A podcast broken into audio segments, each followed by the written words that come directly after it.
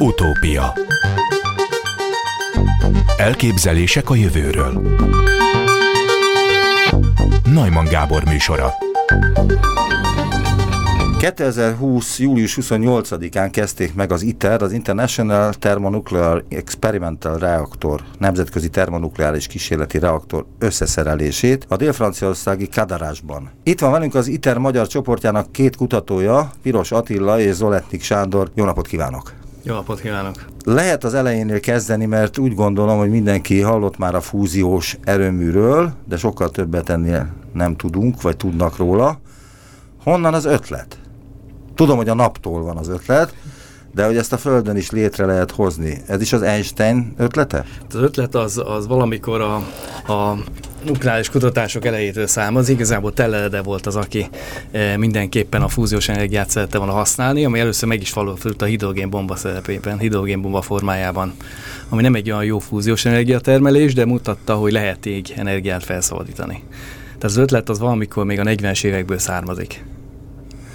És mikor jött az az ötlet, hogy ezt akár itt a Földön is elő lehetne állítani? Az az ötlet, hogy ezt valahogy kontrollált módon lehetne csinálni, az is az 50-es évekből származik, és egy nagyon gyors fejlesztés volt az 50-es évek elején. Az emberek úgy gondolták, hogy nagyon gyorsan eredményt fognak elérni, úgy, ahogy a, a fissziós reaktorok meg fognak indulni a fúziós reaktorok, és nagyon jó lesz nekünk energiatermeléssel. Csak aztán kiderült egy pár év alatt, hogy ez nem megy olyan könnyen, sokkal bonyolultabb dolgok vannak. Igazából egy mai ilyen paksi típusú erőmű az olyan, mint egy nagy vízforraló. Beteszik a üzemanyagot, húzogatják a rudakat, és aztán persze mindenféle biztonsági dolgok meg problémák vannak, de végül is megindul és magától termeli az energiát. Míg egy ilyen fúziós erőműben olyat kell csinálni, mint ahogy mondta a nap belsejében, maga magas hőmérsékleteket kell elérni, nagy sűrűségeket, ahhoz képest, hogy milyen hőmérséklet van, és ezért nehéz megcsinálni. Viszont az az előnye is, hogy ha egyszer megcsináltuk ezt a hőmérsékletet, bármilyen probléma történik a berendezéssel, akkor azonnal leáll, hozzáér a környező kamrafalához, vagy valami lehűti, azonnal megáll, nincsen megszaladás, nincsenek ilyen, ilyen technikai problémák, ilyen biztonsági problémák. Tehát nem okoz, hogyha bármi történik is, környezeti katasztrófát. Igen, és azt is tudjuk, hogy miből mit csinálunk. Ugye egy mai e, fissziós erőműben valamiféle nagy atommagot, tipikusan uránt hasogatunk el kisebb darabokra, és ez a nagy urán atommag, ez véletlenszerűen hasonlít el különböző darabokra. És ezek között vannak veszélyes anyagok, kémiailag veszélyes anyagok, vagy radioaktív anyagok. Ezzel szemben egy fúziós reakcióban e, tudjuk, hogy mit csinálunk, hidrogén izotópokból csinálunk valamilyen héliumot, és ez a hélium az teljesen teljesen inert, tehát kémiailag is inaktív, nem sugároz, egyébként nagyon kevés keletkezne belőle, tehát ilyen néhány száz vagy ezer kiló egy évben egy ilyen nagy paksi típusú erőműből. Tehát nagyon kedvező volna, csak hát olyan körülményeket kell csinálni, mint a nap belsejében, illetve annál még durvábbakat. Ö, Piros Attila is a ö, csapatnak a tagja, de ő azt mondta nekem, mielőtt leültünk volna beszélgetni, hogy ő pontosan az ipari részleget képviseli, van egy csomó tudós, de ő pont azért került bele ebbe a, a csapatba, mert hogy nagyon fontos, hogy ipari körülmények között is elő lehessen állítani ilyen erőművet, és hogy az ipari körülmények azok mit jelentenek ebben a tekintetben? Üdvözlök mindenkit, Piros Attila vagyok. Köszönöm a kérdést, ez úgy kell nézni ezt a dolgot, hogy gyakorlatilag vannak kutatóintézetek, tehát ez az egész egy nagyon-nagyon komoly kutatáson alapul, viszont az ITER-nek, mint kísérleti reaktornak igazából az az egyik dedikált célja, hogy ipari méretben is meg lehet -e valósítani, ipari gazdaságossággal is meg lehet valósítani, tehát itt Sándor majd fog mesélni szerintem nekünk, ha megkérjük a, az, azokra a vonatkozásokról nyilván, hogy, hogy itt a, a hasadó, hogy mondjam, a fúziós nyersanyagot is meg kell termelni, és az egy külön kihívás ipari szinten. És ahogy ön is mondta, az mindenképp egy fontos kérdés, hogy meg lehet-e valósítani most így az új évszázad elején azokkal a technológiákkal, amik most rendelkezésre állnak, azokkal az ipari cégekkel, amik most működnek. Ezt úgy kell elképzelni, hogy én úgy vagyok a csapat tagja, hogy én most az ipart képviselem, tehát egy gyakorlatilag egy mérnök irodát képviselek, ami szorosan együttműködik a kutatóintézetekkel, és akkor így tudunk előre haladni. Tehát fontos eleme ennek az egész projektnek az, hogy kiszámítható legyen, nyereséges legyen? Igen, nyereséges is kellene, hogy legyen, bár mostani berendezések nem lesznek még nyereségesek, ez egészen biztos. Az ITER az nem egy, egy komerciális erőmű, amely gazdaságos energiát termel, ez egy demonstráció, hogy Attila is mondta, ez egy fizikai, technológiai demonstráció annak, hogy ipari méretekben lehet ilyet csinálni. Ugye először, ahogy mondtam, úgy gondolták, hogy ezt nagyon gyorsan laboratóriumban megcsinálják, aztán nem ment ilyen gyorsan, és húzódik, húzódik évtizedek óta, egyre feljebb haladtak egyre nagyobb berendezésekkel, de hogy a berendezések egyre nagyobbak lettek, ezek egyre inkább ipari berendezések lépések is lettek. És itt jön be aztán az ipari eh, közeműködés. Hogy tegyem hozzá, hogy eh, talán egyetérthetünk azzal, hogy, hogy a 20. században az összes olyan kísérletet lefolytatták, amik elfértek egy ilyen általános, hogy mondjam, a laikusok számára egy laborban elférő ö, eh, térfogatban, és meg kell mondani, hogy a, az új fizikai kutatások itt a, a, a nagy hadron gyorsítótól kezdve ugye a, a különböző lézeres gravitációs detektorokig, gyakorlatilag ezek üzemi, ipari üzemméretű valamikat kell elképzelni elképzelni.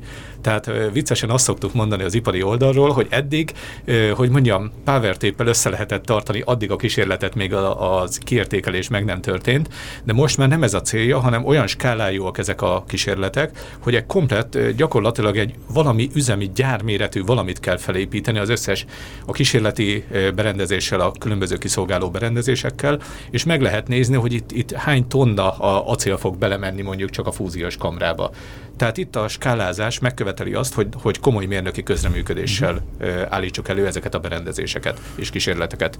Tehát ez azt jelenti, hogy akkor az ipari része ennek az egész projektnek voltak éppen nem arról szól, hogy, hogy ez az ITER, ami most indul majd be először, ez mennyire gazdaságos, hanem majd a jövőben, hogyha ilyen erőműveket létre lehet hozni a világ különböző pontjain, akkor azok legyenek gazdaságosak. Igen, pontosan, pontosan. De még egyre nem tudjuk, hogy pontosan hogy kell ezeket létrehozni. Az ebben az érdekesség és a kihívás, hogy ezek ipari méretű berendezések, ugyanakkor egy csomó alapkutatási rész is van benne. Tehát nem tudjuk még hogyan kell csinálni, de az, hogy kipróbáljuk egyáltalán, hogy kell csinálni, az megképíteni egy berendezést. És ugye így, így fe, növekedtek a berendezések is ilyen, mint egy ilyen evolúciósan. Kisebb berendezéseken kísérletek voltak, a fizikát megtanulták, léptek egy nagyobb berendezésre, és így lépegettek fölfele az elmúlt 50 évben. Tehát akkor a laboratóriumokban, a világ különböző laboratórium, laboratóriumaiban végeztek ilyen kísérleteket, megpróbálták ezt a e, magfúziót előállítani, milyen sikerrel? Természetesen e, végeztek kísérleteket, itt nálunk a KFK-ban Budapesten is volt egy ilyen kis fúziós berendezés, egy kis mágneses fúziós berendezés, de az kiderült, hogy ilyen kicsi berendezésben nem tudjuk ezt csinálni úgy, hogy, hogy pozitív energia kihozott legyen. Egyébként nagyon sokszor összekeverik, hogy fúziót csinálunk, meg energiát termelünk, a kettő nem ugyanaz.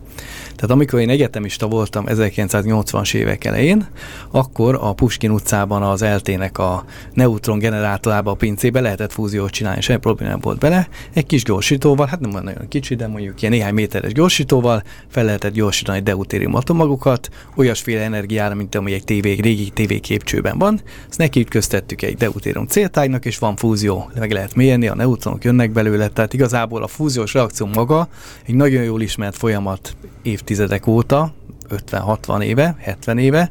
A probléma az, hogy ebből energiát nyerjünk ki pozitívan. Tehát pozitív energiát nyerjünk ki, mint amit beleteszünk. Honnan tudjuk, Parancsolj. Ahogy csak nem akarok közbevágni, olyan jó mindig Sándort hallgatni, tehát a, a fizikai hátteret, de e, itt azt kell elképzelni, hogy minden kérdéses, tehát ahogy ő is rávilágított, ugye én inkább mondjuk mérnök vagyok, tehát gépészmérnök, tehát olyan, olyan kérdések vannak, hogy, hogy hogy fog az energia kikerülni onnan, milyen hatékonysággal tudjuk azt az energiát kivenni, hogy tudjuk kezelni azt a mértékű például neutronsugárzást, amit nem is tudunk előállítani, mhm. eddig nem lehetett, tehát nem, nem tudtunk olyan sugárzási szintet előállítani, mint amit majd csak az ITER termel, vagy a következő fázisa majd a demo, erről is ö, majd ejthetünk később pár szót. És itt azt kell elképzelni, amit Sándor is mondott, hogy, hogy olyan furcsán keveredik a, az, hogy a mérnöki megvalósítás, és az, hogy úgy kell valamit megvalósítani, hogy sok esetben gyakorlatilag még a, a fizikai alapok sem teljesen tiszták, vagy pontosabban ezen a szinten még ezekről nem készült kísérlet. Ugye mivel ez a, hogy mondjam, a csúk meg a tojás esete, hogy hogy csinálunk olyan kísérletet, ami valami nagyon spéci energiaszintet csinál, mert ahhoz, hogy mondjam, olyan anyagok kellenek mondjuk, amik az, azt az energiaszintet elviselik, és tudjuk egyáltalán viselkedésüket. Azért szerettem volna ezt me, csak megemlíteni, mert minden fúziós kutatás, meg ilyen hírnek a közepé, középpontjában az iterál természetszerűleg, mert ugye az van egy nagyon, hogy mondjam, közeli megvalósítási fázisban, viszont azt is mindenképpen meg kell nézni, hogy rengeteg egyéb kapcsolódó kutatás is van, amiben megint jelentős a magyar részvétel. Például az neutron, tehát a ilyen energiaszintű neutron sugárzás hatása az anyagokra, az is egy fizikai kérdés ebben a pillanatban, egy anyagtechnológiai kérdés, vagy mondhatnék bármit, és kell építeni egy olyan speciális, hogy mondjam, neutron ágyút így egyszerűen, amivel elő tudjuk ezt a szintet állítani. Eddig tudni kellett, hogy például ott a, az Energiatudományi Kutatóközpontba is, ahonnan Sándor jött, az egy nagyon frekventált kutatás, hogy nyilván a neutron sugárzás hatásait vizsgálják mindenfajta anyagokra, csak azt a szintet ott nem tudják azzal a kicsi kísérleti erőművel előállítani, mint amit az ITER fog szólni. De hát a neutronról hát rossz emlékeink vannak a neutronbombát illetően. Tehát az elpusztítja az élő szervezeteket, de a tárgyakat nem. Hát a mérges gombáról is ott emlékeink vannak, hogy megesszük, hát nem kell megenni. Tehát a neutron az a Csak a azért, mert ön azt része. mondta, hogy semmilyen ö, rossz mellék terméke nincsenek az erőműnek. Tehát semmi olyan mellékterméke nincs, amelyik megmarad és évszázadokig ott marad. Neutronok keletkeznek, hiszen az hozza ki az energiát ebből a közegből.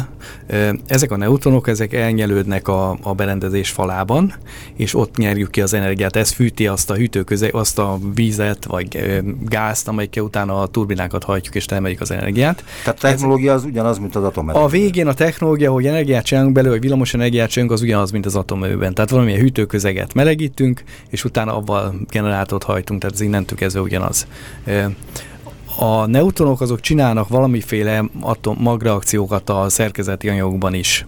Tehát valamelyest ez is felaktiválódik, és tud keletkezni valamelyes sugárzóanyag, azonban ez megválasztható, hogy milyen anyagokat teszünk köré. Tehát ez nem része a, az alapreakciónak.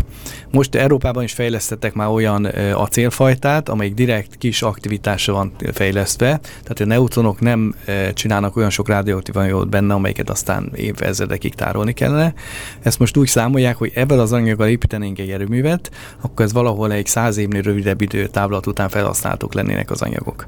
Hogyha más anyagokat tudnánk használni, például szilíciumkarbidot, vagy még ilyen fejlettebb anyagokat, akkor akár nem is kellene utána egyáltalán tárolni. Tehát nyilván ez egy technológiai kérdés, hogy tudjuk megvalósítani. Világos. Abszolút. Eh, pont ez, ahogy Sándor is említette, hogy, hogy eh, a neutronok ellen védekezni kell, ugye az az élőerőt pusztítja, eh, hogy mi elég hatékonyan. Hát erről hallottunk akkor, amikor a, felfe- a fegyverkezési hajsza éppen ad, odáig ért, és az amerikaiak voltak éppen ezzel fenyegették a... Ó, meg hát mindenki mindenkit hát fenyegetett. Mindenki fenyegetett. Nyilván abban az időben ez, ebből állt az egész... Hát a 80-as évek. Hogy hidegháború igen, csúcsa, igen. de azért... De aztán nem született neutronbomba, vagy igen? Hát, de hát nem. valamilyen bombák születtek, én nem tudom a technológiáját a fegyvereknek. Születtek ne- neutronbombák? Abszolút, igen. Tehát hát a élőerő pusztítása az egy elsődleges feladat volt, és a neutronbombákat ugye azért fejlesztették ki kifejezetten azzal a célzattal, hogy ugye magában a technikában nem csinál, ahogy Sándor is mondta, nem csinál, hogy mondjam, olyan nagy kárt, Isten igazából, viszont ugye az élő szervezeteket, hogy mondjam, sajnos rendkívül hatékonyan el tudja pusztítani, de visszatérve a mi témánkra egy kicsit, hogy mondjam, ilyen pacifikusabb. pacifikusabb mellékvágány volt, elné elnézést, én tettek róla, de én laikus vagyok, tehát remélem megbocsátják nekem a hallgatók, hogy laikus kérdéseket is teszek föl, meg önök is nyilván ez. Én arra gondoltam csak, hogy tényleg olyan fontos ez az egész sztori, pont ahogy a laikusokat is meg kell nyugtatni, hogy Sándor is mondta, hogy mi, mi fog itt történni, tehát, hogy, hogy a, a, a maga a reakció nem tud túlszaladni, az, hogy a hatásai azok gyorsan lecsengenek, és viszont megvannak szerencsére már most is azok a technikák, azok az anyagok és azok a módszerek, hogy, hogy maga az erő, erőművet működés közben is el tudjuk szigetelni neutronsugárzás szempontjából. Ez csak azért érdekes, mert az energiának a döntő többsége az a neutronok fogják kiszállítani a fúziós térből Aha. És ö, például az egyik ipari jellegű feladat az is egy érdekes sztori, hogy hogy tudjuk ö, védeni magukat, például a, a fúziót vizsgáló műszereket ettől a sugárzástól. Ebben mind a, az LK-nak hatalmas nagy ö, szerepe van, de mi is megemlíthetjük, hogy például mi vagy száz hőpajzsnak végezzük most a, a tervezését, a hűtésének a tervezését kifejezetten, hogy lehet úgy hűteni, hogy, hogy azok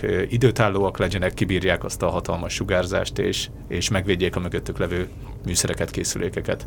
Azt akartam kérdezni, hogy és honnan tudjuk azt, hogy hát hogy plusz energia keletkezik a fúzió során, Hát ez a hidrogénbombából tudjuk, gondolom. Hát azt tudjuk, hogy tud keletkezni, és ezek a mag, magfizikai folyamatokat megmérték ezer évvel ezelőtt, még 50-70 évvel ezelőtt. Tehát konkrétan lehet tudni, hogy amikor két könnyű hidrogén, egy deutérium és egy tritium atomok egyesül, keletkezik egy héliumatommag, és felszabadul adott mennyiségű energia. Ezt teljesen pontosan lehet tudni.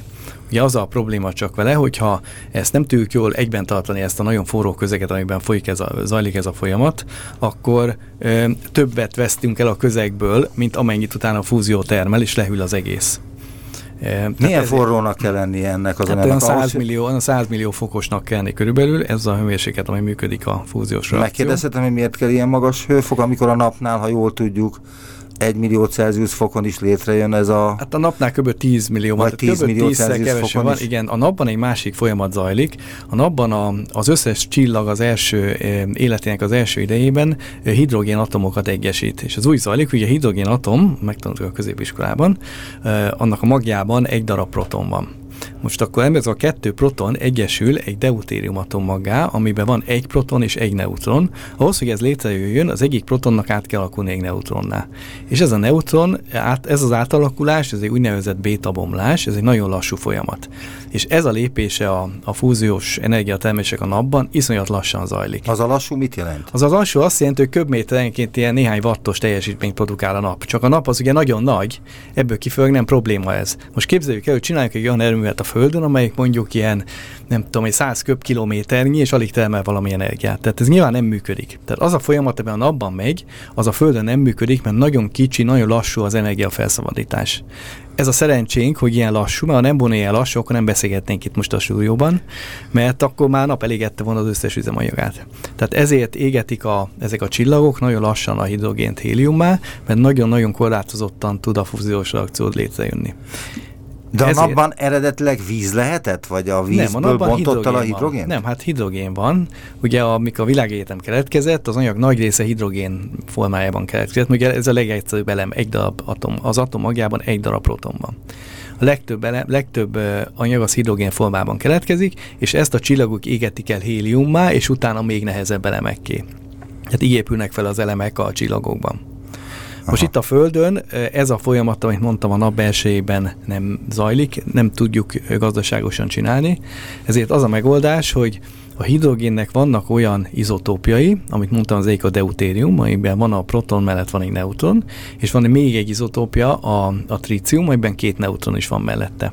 És egyébként ez a deutérium, ez ismert a történelemből is, a nehéz vízben deutérium van az egyik hidrogén helyett, vagy mind a kettő helyett akár. Amit és az már ugye, atomerőművekben Az atomerőművekben is használják, sőt már ugye a második világháború idején folyt egy kis verseny érte, hogy Norvégiából a nehéz vízkészleteket kiszerzi meg.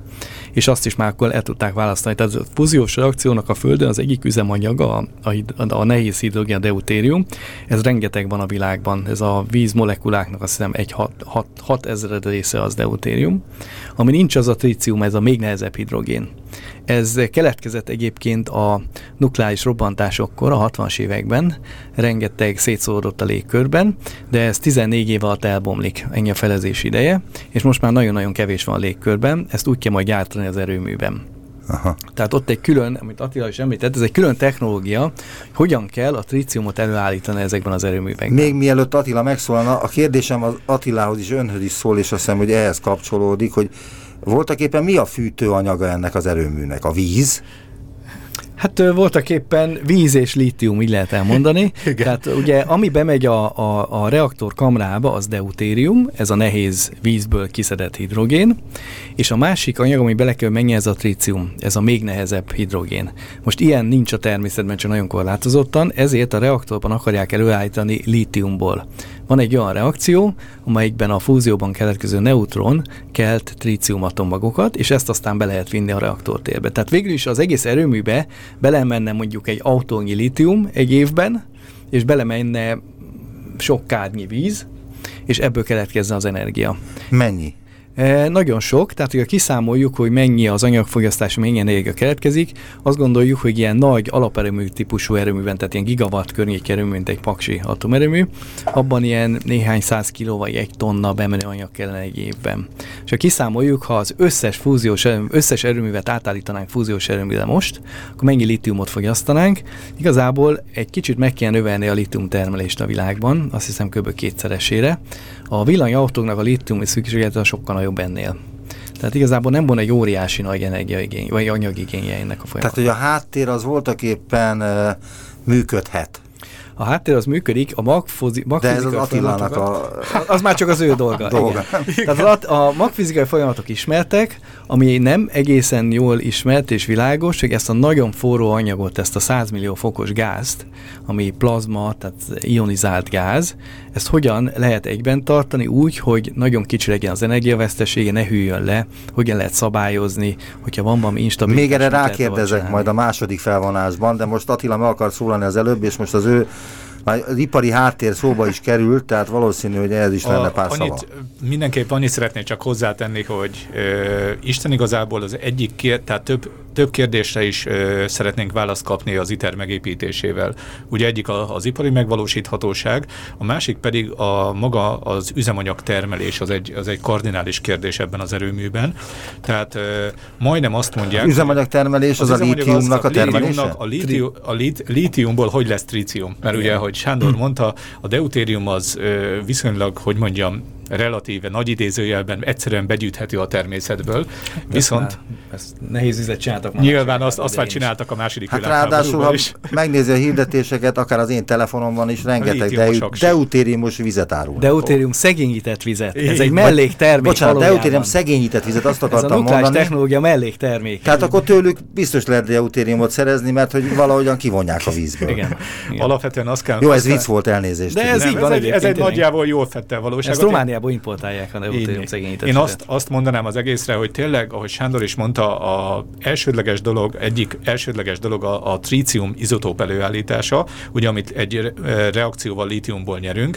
Ezt úgy kell elképzelni, hogy mindenkinek van ötlete, ugye az ITER az egy szerintem példanélkül álló nemzetközi együttműködés keretében épül, szinte mindenki benne van. Én nem is tudom, hogy amerikaiak voltak ötletei, hogy mégse lesznek benne, de nem mertek kilépni. Tehát gyakorlatilag úgy kell számolni, hogy mindenki benne van, és az egyik legtitkosabb dolog, hogy mindenkinek van ötlete a trícium szaporítására. Ezt próbálják tesztelni most például az erőműbe, hogy azt, hogy mondjam, mindenki megosztja mással az eredményt, de a trícium szaporítására, tehát hogy hogy fogják a tríciumot előállítani, az mindenkinek a, hogy mondjam, a belügye. Magánügye, belügye teljesen gyakorlatilag. Hát lesznek a, a berendezésben olyan helyek, amik fenn vannak tartva arra, hogy ezt a bizonyos trícium termelő kazettát teszteljék, és erre csak helyet biztosít a, az ITER. Minden részvevő partner, ugye a hét partner vesz részt az ITER-ben, tehát mondjuk el, hogy az Európai Unió, Egyesült Államok, Oroszország, Japán, Dél-Korea, India, Kína. Kína tehát így van a hét partner. Mindenkinek van lehetősége arra, hogy a saját kis tritium termelő technológiáját bedugja oda és tesztelje, és megnéző, hogy mi jön ki belőle. Ezt nem kötelező megosztani a többiekkel. De hogy lehetett létrehozni ezt az együttműködést, amikor a világban ekkora békesség nincsen? Nincsen, de... Tudom, hogy 85-ben tárgyalt Gorbacsov régennel, és akkor megállapodtak ebben, holott akkor még csak gyerekcipőben sem járt tulajdonképpen Igen, ugye a, a fúziós erőmű, és a világbéke meg egyáltalán, vagy akkor tört ki? Én azt, vagy azt, akkor próbált kitörni. Azt mondanám mérnöki szemmel nézve, hogy ez a világ legdrágább műszaki projektje, tehát az űrállomást is, hogy mondjam, üti ilyen szempontból, hmm. pedig oda szinte mindent föl kell vinni és azt is mondhatjuk... csóválja a fejét. Az űrállomás azt hiszem drágább. Hát szerintem az attól függ, hogy mit attól visznek függ, mennyit költenek rá. Mennyit költenek Azt olvasom, hogy 15 vagy 25 milliárd euró. Hát az itt az valahol ez a 15-20 milliárd környékén igen. lesz, igen. De az, abba az űrállomáson egyet... 100 milliárdot hallottam. Én, a, én azt, azt mondom, abba egyetérthetünk, az egyik legbonyolultabb projekt az mindenképp biztos, a világon. Az biztos, igen. E, tehát, hogy az űrállomás az egy ilyen kitaposott útnak tűnik emellett sok esetben mérnöki szempontból, és talán ez adja meg a választ, hogy miért rakták félre a partnerek a, a minden mindenfajta személyes sérelmeiket az összefogás keretében. Egyszerűen ezt senkinek nincsen erre energiája, tudása és pénzese szerintem, hogy, hogy önmagába csináljon egy önálló fúziós kísérleti reaktort. Tehát Igen, ez egy annyira fájdalmas történet, ez az első lépés, amikor ipari szintre lépünk a, a különböző kísérleti készülékekről, hogy gyakorlatilag nem merik, nem, nem tudják, és nem is akarta senki azt a kockázatot bevállalni, ezért inkább mindenki összeállt, és így, kez, így készült ez az összefogás. Utópia Továbbra is az utópiát hallják Piros Attila, a vendégem és Zoletnik Sándor, mert hogy az ITER, a International Thermonuclear Experimental Reactor dél-franciaországi Kádárásban nem sokára próbaüzemet. Most kezdték építeni, a próbaüzemet talán 25-26 tájékán láthatjuk. Ezt reméljük. Tehát 5-6 év múlva? Igen, igen. Miért kell ilyen sok? Hát ez egy nagy berendezés, ugye úgy képzeljük el, hogy ez egy körülbelül 30x30 méteres termosz, amiben beépül a, a berendezés. E, ez ugye egy, egy 30 méter átmérő beton köcsökben, vödörben helyezkedik el, és abban egy ilyen óriási termosz van, az egészet le kell hűteni 4 Kelvinre, azok a mágnesek, amik összetartják ezt a forró anyagot, azok ilyen szuperlető mágnesek 4 Kelvin működnek. Ezek a legnagyobb szuperlető mágnesek, amiket valaha csináltak. És hát az egész berendezés... A szupravezetést is tisztázni kell, ugye az majdnem abszolút nulla fokon működő vagy létező anyagok, amelyeknek nincs ellenállás. Tehát vannak, vannak olyan anyagok, amik alacsony hőmérsékleten ellenállás nélkül vezetik az áramot. Ez úgy kell elképzelni, hogyha veszünk belőle egy gyűrűt, és elindítunk benne egy áramot, és ott hagyjuk, akkor ebbe folyik az áram állandóan. Tehát ez nem csillapodik. Ez egy nagyon érdekes fizikai folyamat sokáig úgy gondolták, hogy csak 20 Kelvin, tehát mínusz 250 fok alatt léteznek ilyen anyagok. Aztán 80-as években felfedeztek olyanokat, amik magasabb hőmérsékleten is mennek. Hát nem szobahőmérsékleten, de azért olyan e, mínusz 160 fok környékén, ami sokkal könnyebb előállítani. És egyébként most van éppen ennek kapcsán egy ilyen kisebb forradalom a fúziós kutatásokban, hogy bizonyos berendezéseken azzal kísérleteznek, hogy nem ezeket a nagyon-nagyon hideg szuperanyagokat használják, hanem a melegebbeket, és ebben talán nagyobb mágneses teret olcsóban lehet előállítani, és talán itt lesz egy technológiai fejlődés, amikor olcsóban lehet ilyen berendezést csinálni. Én azt mondanám, hogy mérnöki szempontból mindig ezt fogom mondani, ugye Sándor képviseli a tudományt, én a, a egyszerű mérnököket. Tehát mérnöki szempontból és gazdasági szempontból egyik kulcsa volt ez a szupravezetés, mert gyakorlatilag, ha nem lenne szupravezetés, olyan energiát kellene magának, annak a mágneses, hogy mondjam, palasznak a fenntartására fordítani, hogy hiába termelnénk rengeteg energiát, még több kellene ahhoz, hogy azt a 120 millió fokos plazmát valahol bent tartsuk, ugye egy kezelhető és térben. magát a tekercset tudnánk hűteni. Ez szó szerint se, se a hűtés, se maga a mágneses tér előállítása nem lenne lehetséges. Akkor arra kérem önöket, hogy mesék el lehetőleg úgy olyanoknak is, akiknek nincsenek komoly fizikai hátterük, hogy pontosan hogyan is megy ez. Tehát ez egy abszurd dolog, hogy 100 millió, vagy még annál magasabb Celsius fokot előállítani a Földön, mert ugye bármihez kapcsolódik, hozzáér az elpárolog ugye a, a, az anyagok, a szilárd anyagok, azok valahol né, néhány ezer fok környékén elolvadnak, elpárolnak, még a legmagasabb hőtű, hőtű anyagok is, a Wolfram is ilyen pár ezer fok környékén olvad. E, tehát nyilván nem lehet semmilyen palackba tenni ezt az anyagot. Meg egyébként a palackkal érintkezve le is hűlne azonnal hanem a megoldás az, hogy valamiféle mágneses térben, mágneses csaptába kell tenni. És a mágneses térnek vannak furcsa tulajdonságai, aki járt eh, fizika órára középiskolában, aztán látott ugye mágneseket, ugye a mágneses erővonalak azok egy mágnesről a másikra mennek, és nincs olyan, hogy a semmibe indul egy mágneses erővonal, ezért valami olyat kell csinálni, hogy ezek az erővonalak nem mennek ki ebből a tartományból, ugyanis a, ezeket a töltött részecskéket, amik egy ilyen forró gázban vannak, ezeket a mágneses tér mag, magához láncolja gyakorlatilag. Tehát a mágneses tér mentén tudnak mozogni. Ha visszaemlékezünk a képre, hogy a vasraszeléket lerakják a fizika órán, az mutatja a, mágneses erővonalakat. Hát a mentén, az erővonalak mentén tudnak menni a részegység, de arra merőlegesen csak nagyon lassan. És ezért egy olyan, olyan csapdát kell csinálni, ahol ezek a mágneses erővonalak körbe-körbe mennek, és sehol nem jönnek ki. Na ilyet úgy lehet csinálni, mint egy autógumi, ezt hívják ugye tórusznak, amelyben körbe-körbe mennek ezek a mágneses erővonalak. Lényegében ez az a geometria, amivel e, ezekbe a berendezésekben működünk. Van ebből több variáció, van amelyikben e, így csinálják ezt a tózt. Világos, de, de hogyan rakom bele a vizet mondjuk? Nem víz, hidrogén. A hidrogént. Hogyan teszem bele a hát hidrogént? Ez egy ilyen berendezés úgy indul, hogy először is megcsinálják benne a mágneses teret. Tehát elindítjuk ezekben a tekercsekben az áramot, amelyik mágneses teret hoz létre. Ez olyan, mint egy transformátor igazából, nem egy nagy kaland. És akkor, akkor még hány akkor egy kis, fokos? Hát akkor semmennyi szobahőmérsékletű. Szobahőmérséklet. Beleeresztünk szobahőmérsékletű hidrogéngázt, de nagyon keveset egyébként a légköri hőmérséklet, vagy légköri sűrűségnek, amit körülöttünk van, annak a körülbelül az 1 milliómod részét, vagy valamilyet. Tehát nagyon kevés gáz beleteszünk, és utána elérjük azt, hogy egy elektromos térrel elkezdünk egy áramot indukálni ebben a gázban. Ez olyan egyébként, egy fénycső. A fénycsőben is végül is az elektródák között ami áram folyik, és a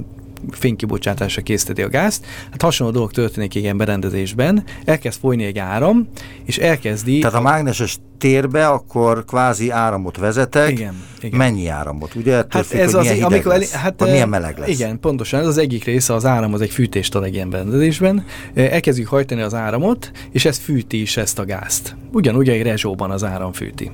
És akkor szépen, ahogy melegszik fel a gáz, ennek az a tulajdonsága, hogy egyre jobb lesz a vezetőképesség, egyre könnyebben vezeti az áramot, egyre nagyobb áram tud folyni. És itt van a probléma is, hogy egyre kisebb lesz az ellenállása. Ugye megtanultuk, hogy az ellenállással a hőfejlődés úgy történik, hogy az áram e, négyzete megszorozva az ellenállás mértékével. Most van egy adott áramunk, és csökken az ellenállás, akkor egyre kevesebb lesz az a teljesítmény, hogy keletkezik benne. Tehát az a furcsa helyzet áll elő, hogy fűtjük fölfelé az anyagot, egyre jobban vezeti az áramot, egyre kevésbé fog melegedni. Tehát valameddig fölmegy a hőmérséklete, de sajnos olyan hőmérséklete nem megy föl, ami kell nekünk egy fúziós reaktorhoz. Ezért a mai ilyen nagy berendezésekben, ezeket egyébként tokamaknak hívják ezeket az árammal átjárt berendezéseket, ez egy orosz találmány és orosz akronim.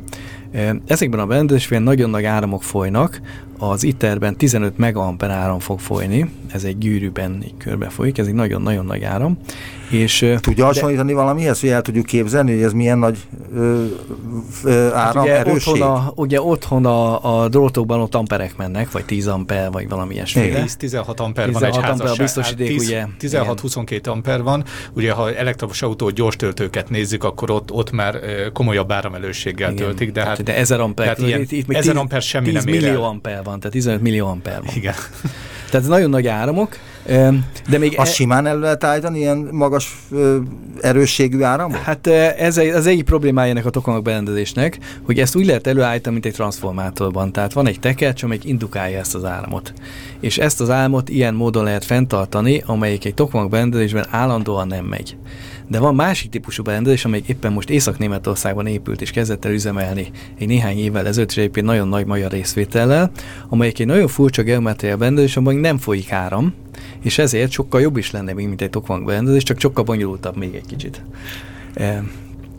Ez a berendezés működik most Észak-Németországban, nagyon érdekes eredményeket produkált. De mit csinál ez a berendezés Észak-Németországban? E, ezt úgy hívják, hogy Stellarátor. Ez is egy tórusz alakú berendezés, ugyanolyan fúziós berendezés, mint az ITER lesz, egyébként hasonló méretű is e, de nem egy áram folyik benne, amelyik még ott a mágneseteket meghatározza, hanem a berendezés így össze-vissza van csavarva. Érdemes megnézni, mint a magfúzió.hu oldalunkon van egy csomó dolog erről. Olyan, mintha lenne egy ilyen, egy ilyen toro, egy tórusz alakú tekercs, mint egy autóg, amit jó megtapostunk, és ilyen össze-vissza csavarodik már az egész. Most nem véletlenül csavarodik úgy, ezt kiszámolták, hogy hogy kell neki csavarodni ahhoz, hogy ezért a részegységet bent tartsa a, a, a vákumkamrában és, és ez a berendezés ebben az össze-vissza csavart geometriával próbálja ugyanúgy összetartani ezt a forró gázt. És ezt tudja? Tehát ezt tudja azt a 120 millió Celsius fokot előállítani, ez a bizonyos észak-németországi igen, igen, a berendezés áramfejlesztő? Nem tudom, minek nevezni. Ezt úgy a stellarátor. Stellarátor. Csillag, csillagcsináló talán.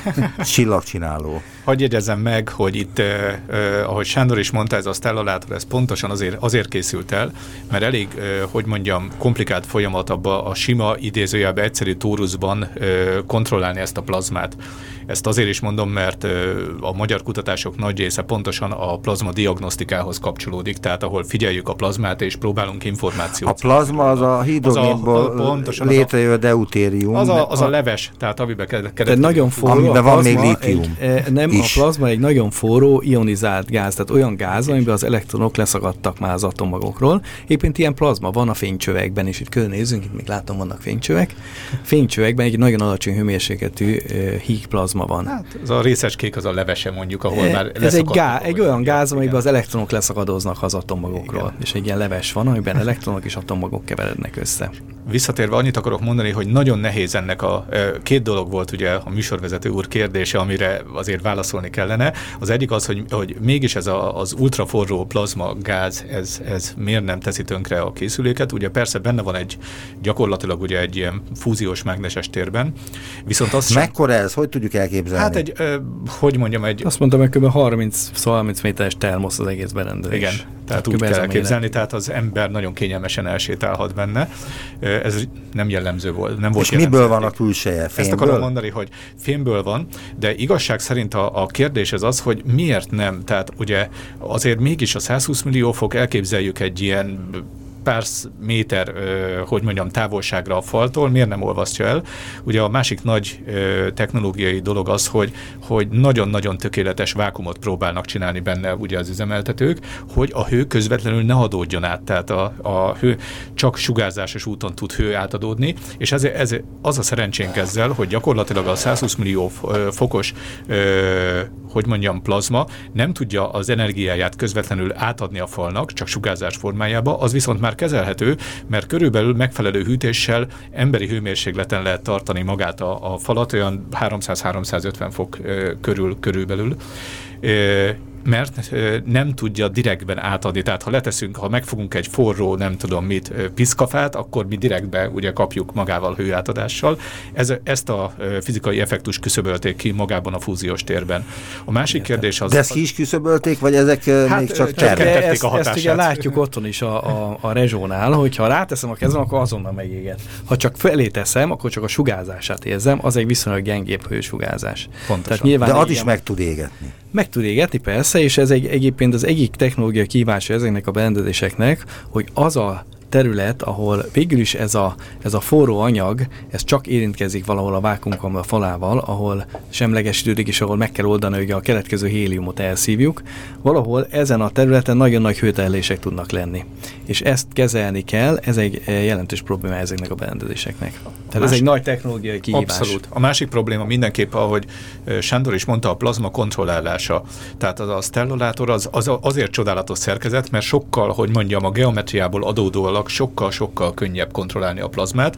Itt viszont ugye a mágneses teret sokszor másodpercenként több ezerszer kell finomállítani egy kicsit, hogy, hogy a plazma pontosan úgy viselkedjen benne, ahogy mi azt gondoljuk. Itt azt kell elképzelni, hogy ha valami kibillenés van ebbe a folyamatokba, az olyan, mintha földrengés lenne, egy kisebb földrengés, az egész épület úgy van meg elkészítve, hogy mikor mondjuk a plazma összeomlik, ami egy természetes folyamat, egyszer le kell kapcsolni ezt az egész dolgot, az nagyon komolyan megrázza az épületet. Tehát nekünk mérnököknek olyanokkal kell foglalkozni, hogy hatalmas hőmérséklet, nagyon speciális neutronsugárzás, ami kifejezetten roncsolja az anyagokat, és közben ilyen kisebb ö, föld, földlökésszerű ö, mechanikai igénybevétel, amit ugye azt is tanultuk, hogy ö, például a minden elektromos ilyen forgókészülék úgy működik, ugye a mágneses teret forgatjuk, hát annak van hatása ugye a fémekre, és bizony ennek a gigamágneses térnek és annak az ingadozásainak is komoly hatása van a fémekre.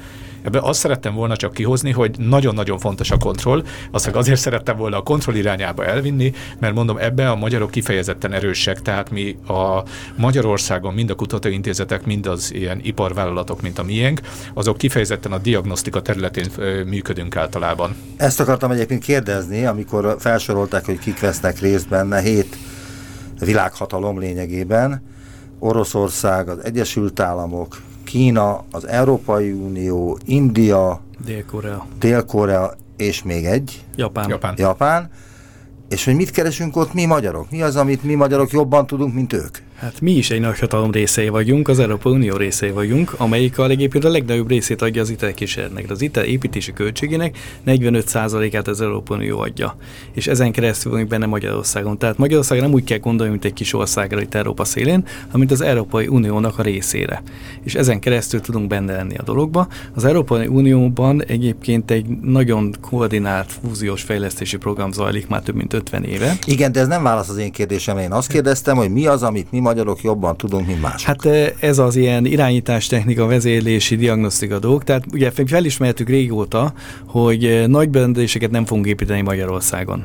Ennek nincsen értelme, egyébként máshol se építenek kis országban nagy berendezéseket, hanem nekünk a, a kis high-tech dolgokra kell fókuszálnunk, amit meg tudunk csinálni, és amit aztán speciális technológiát fejlesztünk, és azt mások is használják, és mások is szeretnék ezt csinálni. Meg kell, meg kell mondani például, hogy a, az ipari részvétel ugye itt ilyen mérnöki kihívásokat jelent, viszont amiben talán a Magyarország ugye vannak mindenfajta legendák arról, hogy a magyar mérnökök milyen okosak és milyen... Igen, mennyi Nobel-díjasunk mennyi Nobel-díjasunk van.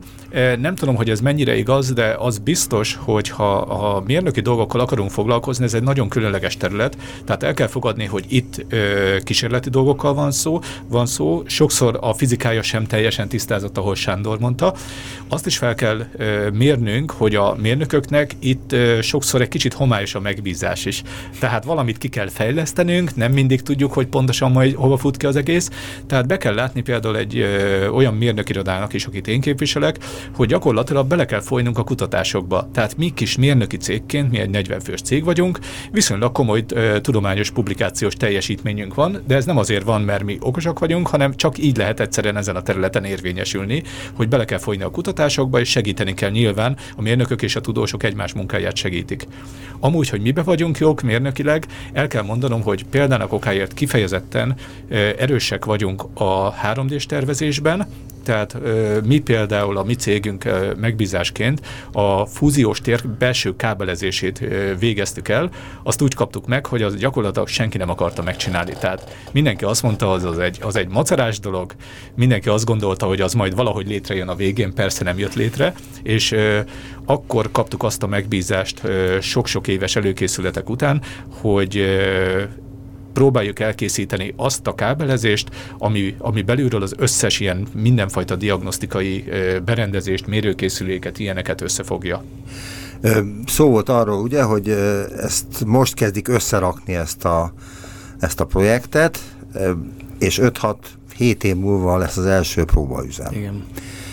Mi a tétje ennek az egésznek tulajdonképpen? Az, hogy az emberiségnek sikerül-e létrehozni egy olyan energiát, amivel élhet akármeddig, és ha nem sikerül, akkor mi van? Igen, tehát ennek a, ték, ennek a berendezésnek az a tétje, hogy az eddig kitaposott úton, amit a fúziós kutatásokban eddig kitapostak, megpróbálnak csinálni egy olyan berendezést, amelyik már a reaktor méretű ö, üzemet produkál. De az sem még ipari szinten, nem hanem ipari, nem is fog kísérleti szinten. ez kísérleti szinten. Azt hiszem, egy kicsit pluszosra csinálják azért, csak azért, hogy, a, hogy azt tudják mondani, hogy valami minimális pluszot hoz ki, de abban Sándornak hát az 500 megawatt Ezt akarom mondani, az ipari szinten ez semmit nem segít. Tehát ez kb. egy paksi erőmű blokknak gyártóknak a teljesítményét fogja produkálni ez a band és a tervek szerint, de nem az hálózatra, hanem ez csak demonstrációs célon, ilyen 20 percig valami ilyesféle időszakaszra. Elképzelhetőnek tartja, hogy ez nem jön össze?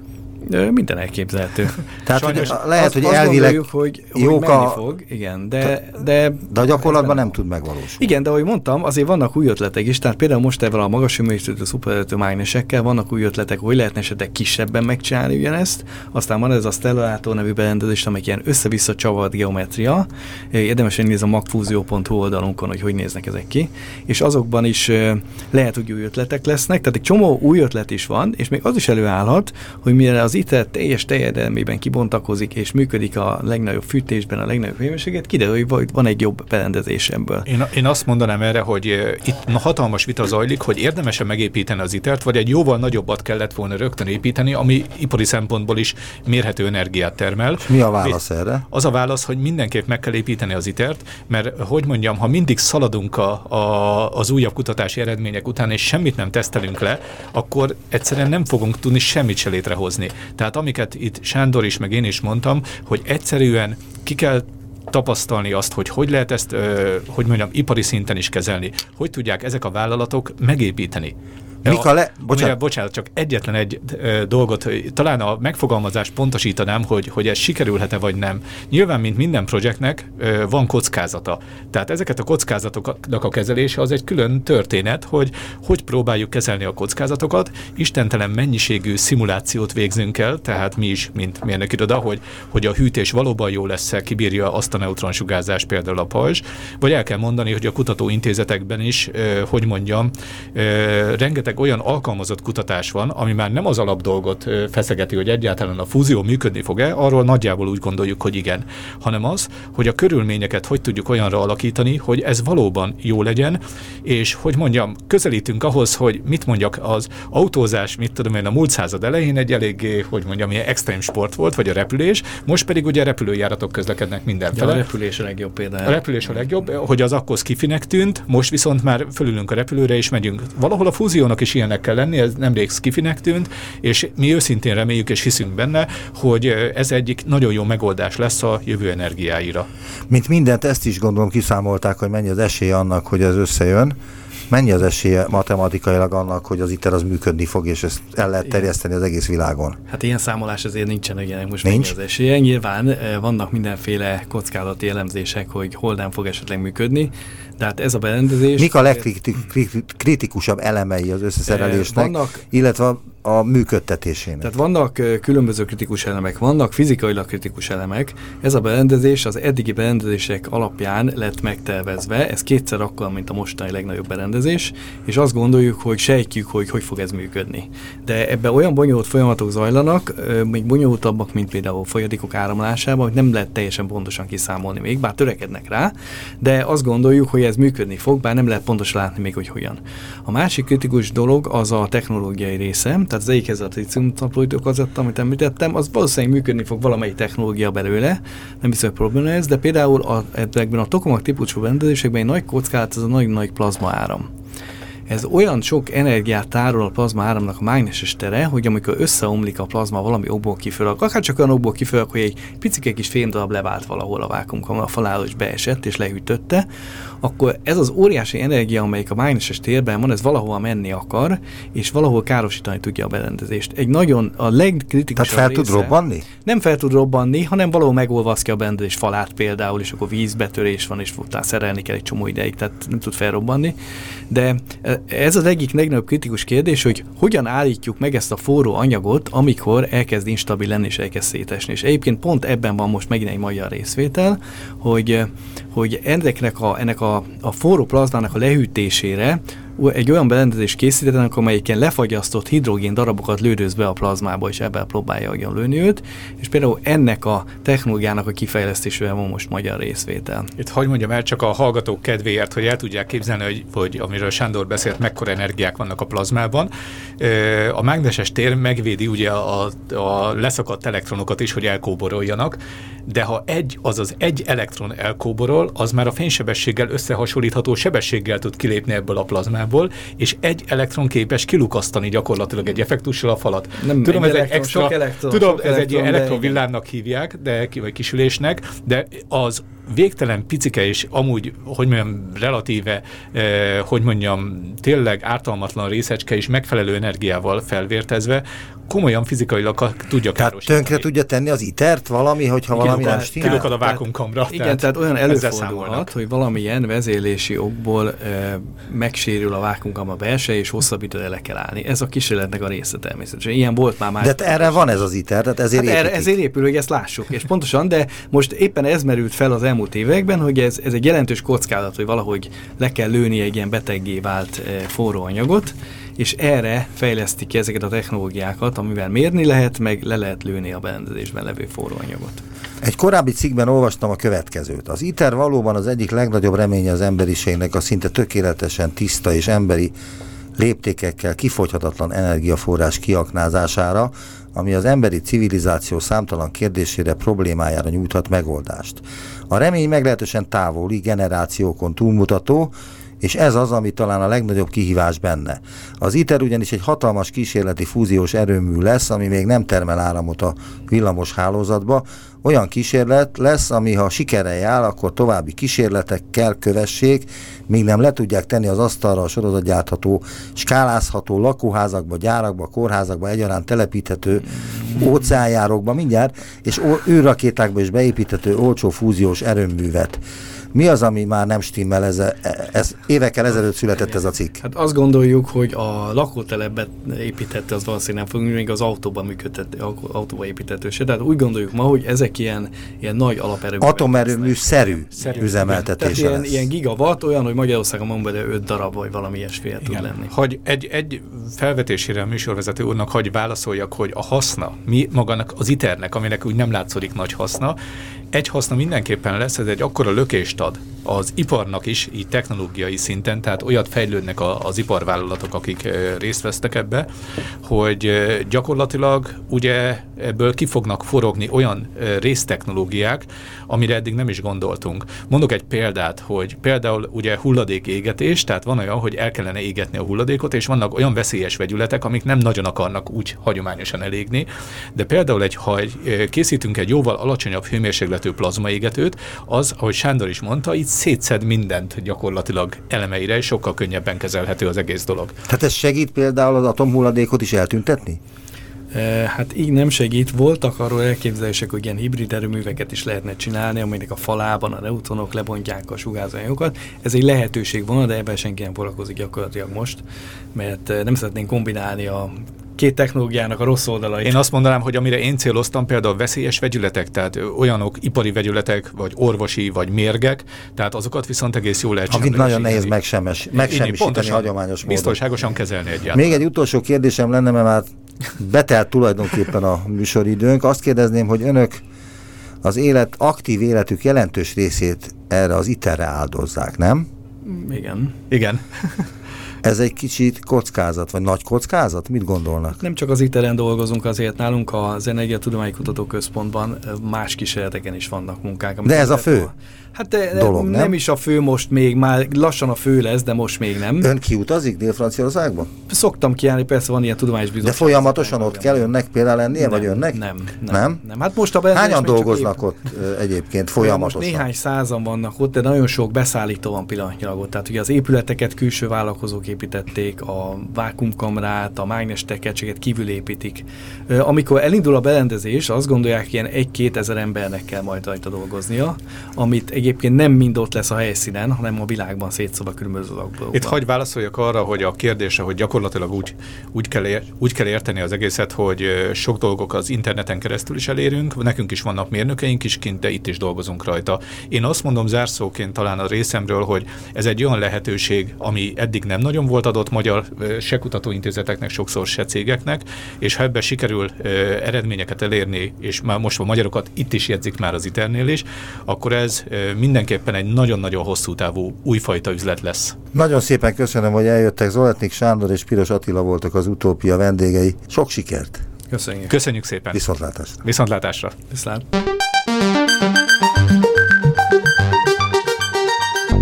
Visszaértünk a jelenbe. Neumann Gábor utópia című műsorát hallották.